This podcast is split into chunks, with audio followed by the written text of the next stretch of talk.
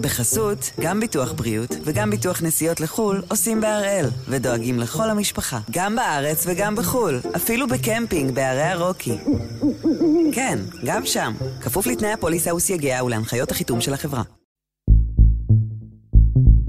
היום יום ראשון, 14 במרץ, ואנחנו אחד ביום, מבית N12.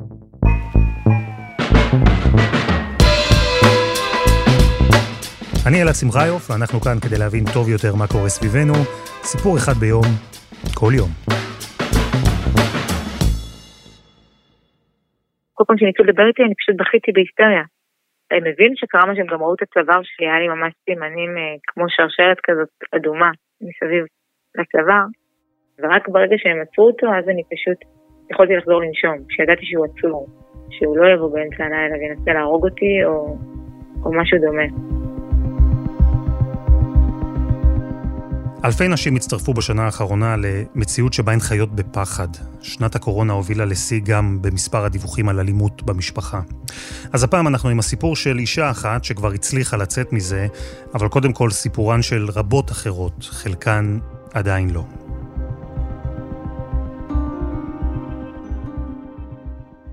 שלום מיכל פעילן. היי אלעד.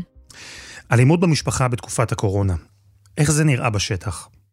אז אני אשתף אותך במה ששיתפה אותי אישה שפגשתי במקלט שהוקם במיוחד בתקופת הקורונה, בגלל העלייה הגדולה בפניות.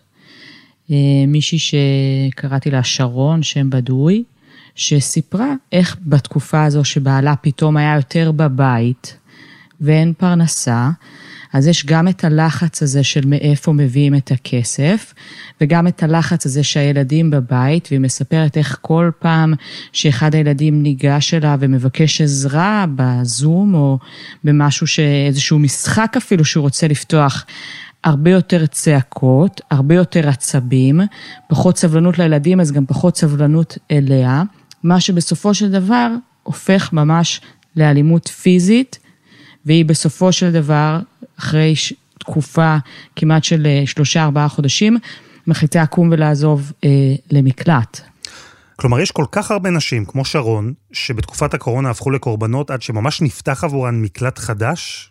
איך זה נראה מבחינת המספרים? מבחינת נתונים, מה זה אומר? פי שלושה לאורך כל תקופת הקורונה, פי שלושה של פניות למרכזי הסיוע של נשים שמבקשות עזרה. אני יכולה גם לומר לך שאפילו הגענו בחלק מהחודשים לפי חמישה.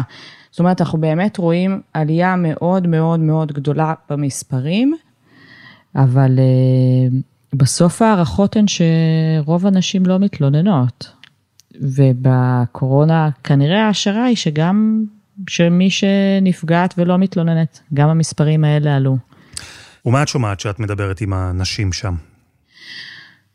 תראה, פגשתי שם למשל מישהי אה, שהיא לא הסכימה להתראיין למצלמה, היא מישהי שבעלה הוא מוכר ב, בעולם, בתעשייה, בעולם התרבות. Mm-hmm. היא חששה שידעו מי זה, שיבינו מהסיפור שלה מי זה בעלה, והיא נורא מפחדת שהוא יתעצבן על זה שהיא חושפת אותו.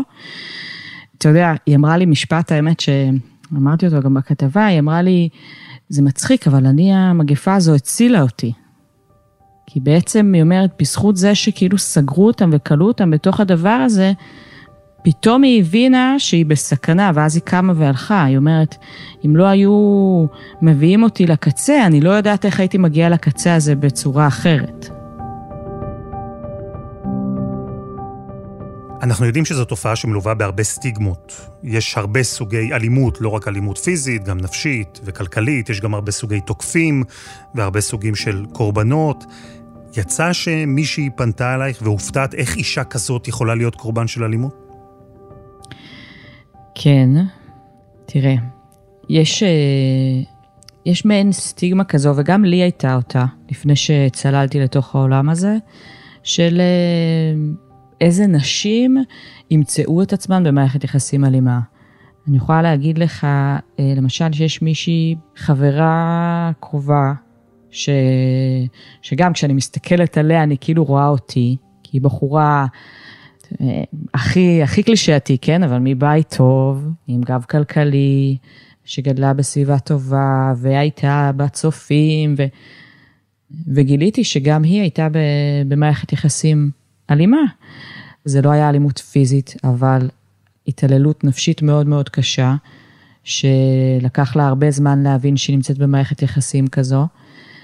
גם כשאני מגיעה, הרבה פעמים, נשים הרי, רוב הנשים שאני מראיינת הן נשים מוצללות, הם לא רואים אותן והן בעימות קול, כי זה נשים שחוששות לחיים שלהן. מה הייתה הנקודה שאמרת שאני חייבת לקום ולעזוב? הוא הרביץ לי ליד הילדים, וראיתי איך הילדים רועדים. אתה יודע כמה פעמים אני מראיינת אישה כזו, ואני אומרת, איזה באסה שהיא בהצללה. כאילו באמת, זה נשמע נורא, אבל אני יודעת שאם האנשים בבית יראו איך היא נראית, אז הם כמוני יבינו שזה פשוט, זה אצל כולן. תראה את המקרים האחרונים, את שירה איסקוב, את דיאנה דדבייב, את מיכל סלע. למה הסיפורים האלה כל כך תפסו את הציבור הישראלי? כי אתה הסתכלת עליהם ואמרת, מה זה, אבל הן בחורות רגילות. הן נראות אה, אסרטיביות, נכון? שירה איסקוב, אתה שומע אותה מדברת, ואתה אומר, איך היא הייתה במערכת יחסים אלימה כזו? הרי היא כל כך בטוחה בעצמה. שזה באמת מגיע לכל אחת.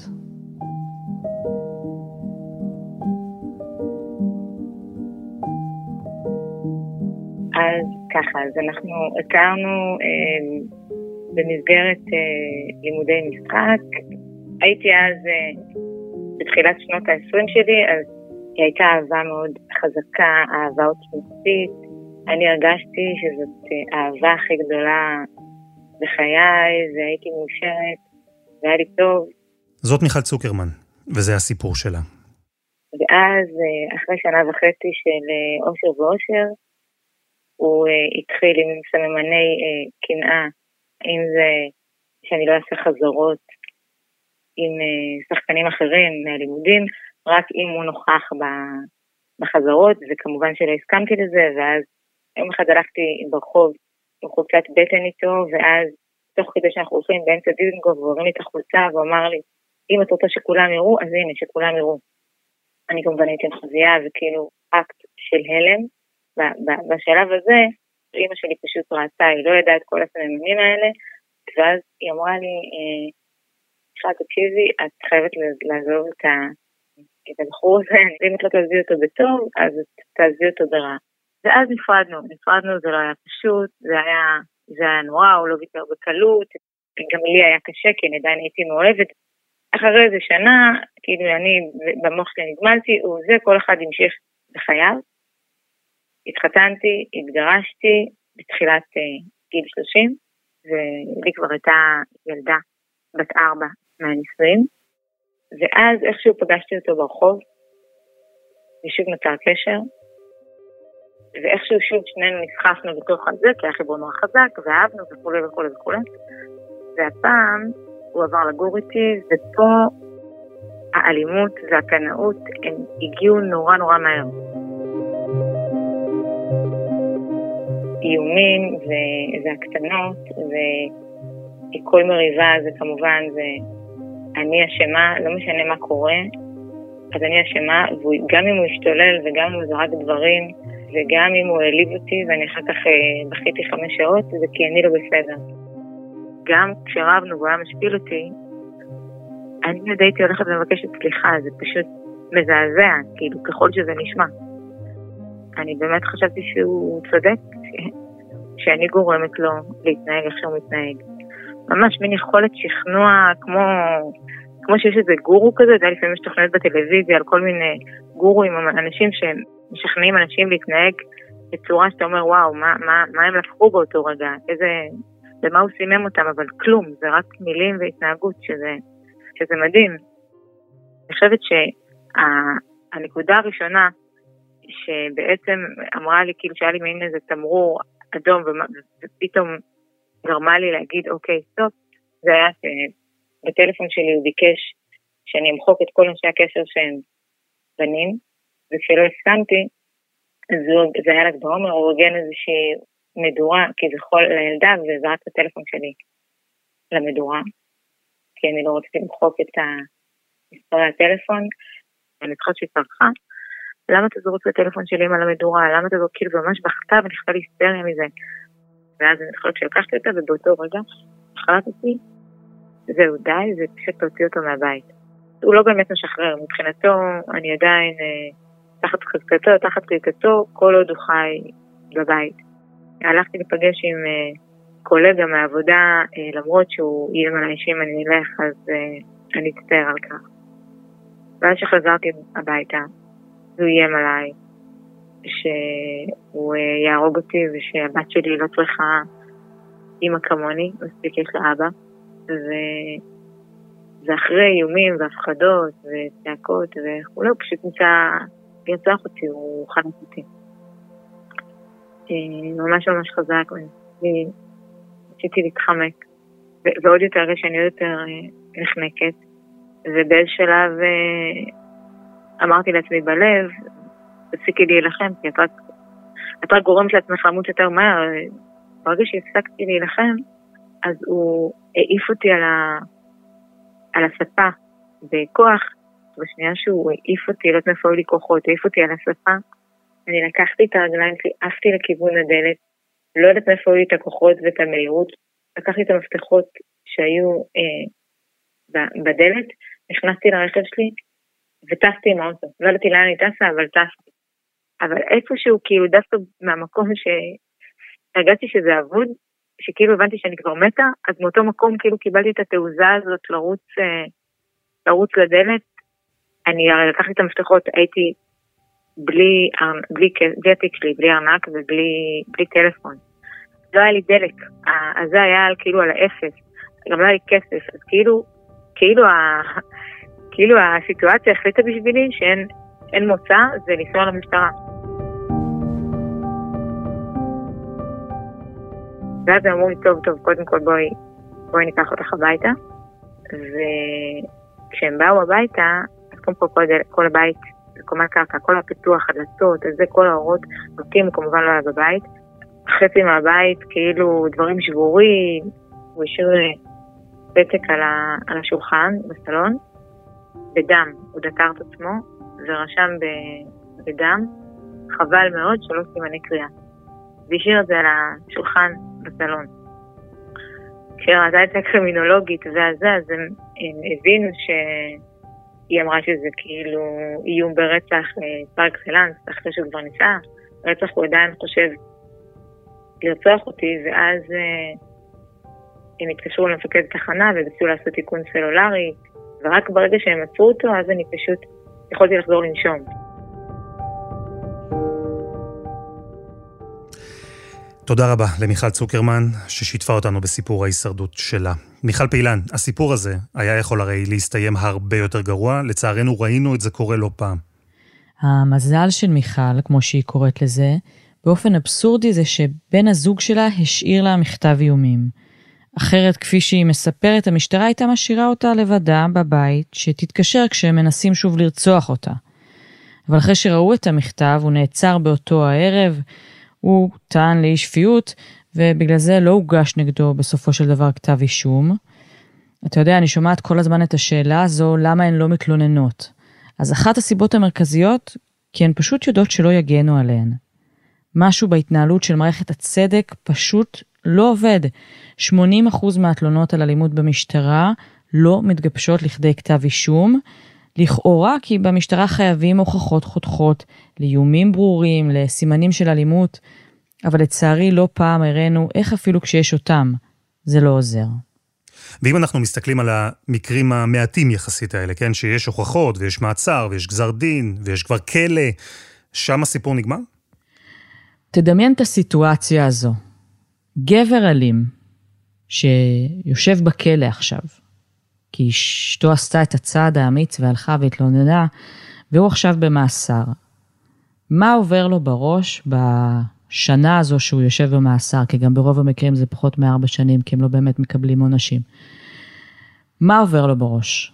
הדבר היחידי שהוא חושב זה איך היא עשתה לי דבר כזה, איך היא תשלם כשאני אצא החוצה, הוא יושב שנה ומתבשל עם עצמו בעצבים שגם ככה היו שם וביעבעו שם, והוא רק חושב איך הוא נוקם חזרה. ואם מעבירים אותו איזשהו תהליך טיפולי ושיקומי ויושב גורם מקצועי ומלווה אותו ומדבר איתו, יש נתונים של משרד הרווחה שאומרים ש-60% מהגברים שעברו תהליך טיפול שיקומי לא חזרו לפגוע שוב בבנות הזוג שלהם. זה מספר מטורף. ולא עושים כלום, לא מחייבים היום. לא מחייבים היום. אני אגיד לך יותר מזה, הנתונים מדברים על זה שב-90% מהוועדות שחרור של גברים אלימים, ממליצה הוועדה לא לשחרר את הגבר בלי שהוא עובר הליך טיפול, כי הוא מהווה סכנה, ובסופו של דבר הם משוחררים. 90% מהמקרים. זה נשמע לך מספר הגיוני? הבעיה הכי גדולה, אם אתה שואל אותי, איפה זה תקוע, איך זה קורה, כי פשוט לא מטפלים בגברים אלימים. זה נשמע לגמרי הזוי. למה זה ככה? אז למשל, העניין של שחרור של גברים אלימים זה שחרור מינהלי. יש עומס בבתי הכלא, וצריך לשחרר אסירים כדי להכניס אסירים חדשים, אז פשוט משחררים אותם שחרור מוקדם, וברגע שזה שחרור מוקדם זה ללא תנאי כלשהו של אה, תלוי רמת מסוכנות. לא יאומן. זה אחד. שתיים, אין חוק. אין חוק היום במדינת ישראל שאומר, גבר אלים חייב לעבור הליך טיפולי לפני שמחזירים אותו, פשוט אין חוק כזה. עכשיו, ממש עכשיו, רגע לפני ש, שפוזרה הכנסת, עברה אה, הצעת חוק בקריאה ראשונה של אה, חברת הכנסת עאידה תומא סלימאן, שיחייבו גברים אלימים לעבור הליך טיפולי. עכשיו, עכשיו, עד שזה יקרה, אבל לפחות איזשהו נקודת אור קטנה שמישהו הבין שזה לא הגיוני. ושזה יעבור, אז צריך כסף, צריך תקציבים, הגברים האלה צריכים לעבור תהליך שיקום, אז צריך מטפלים, וצריך מרכזים שיטפלו בהם, וצריך מרכזי אלימות במשפחה, בקהילה, כדי שילוו את התהליך. צריך תקציבים. בסוף אתה יודע, בסוף זה הכל עניין של סדר עדיפויות, איפה שמים את הכסף. ומיכל, אישה שנמצאת עכשיו במצב של אלימות בבית, מה היא יכולה לעשות? לאן היא צריכה לפנות? לפנות. אפשר בעיניי קודם כל לגורמי הרווחה, והם מלווים את אותה אישה בתהליך. זה לא חייב להגיע לתלונה במשטרה, אם היא לא רוצה, אבל יש איש מקצוע שמלווה אותה ופותח בפניה את האפשרויות של מה אפשר לעשות. והכי הכי חשוב, באמת, אם יש משהו אחד שלמדתי מכל המקרים שנחשפתי אליהם, לא לקום ולעזוב לבד. לשתף מישהו קרוב. זה הדבר הכי חשוב, לא לעשות את הצעד הזה לבד. אם לא מרגישים בנוח אה, לדבר עם מישהו מהמשפחה, אז לבחור חבר קרוב שסומכים עליו, או שכן, שכנה, ולשתף אותו ולעשות את התהליך עם מישהו ביחד, כי זה תהליך מאוד לא פשוט.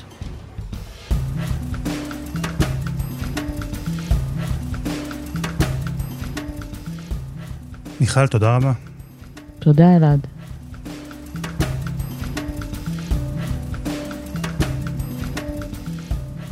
אז אם את או אתה מרגישים שאתם קורבן של אלימות במשפחה, המוקדים הללו זמינים לרשותכם.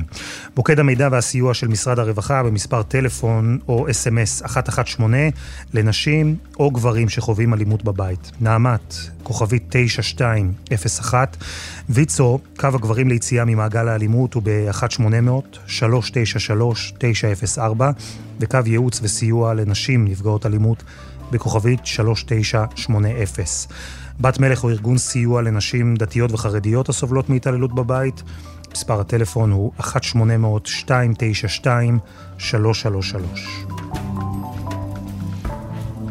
וזה היה אחד ביום, מבית N12. אפשר למצוא אותנו ב-N12 ובכל אפליקציות הפודקאסטים.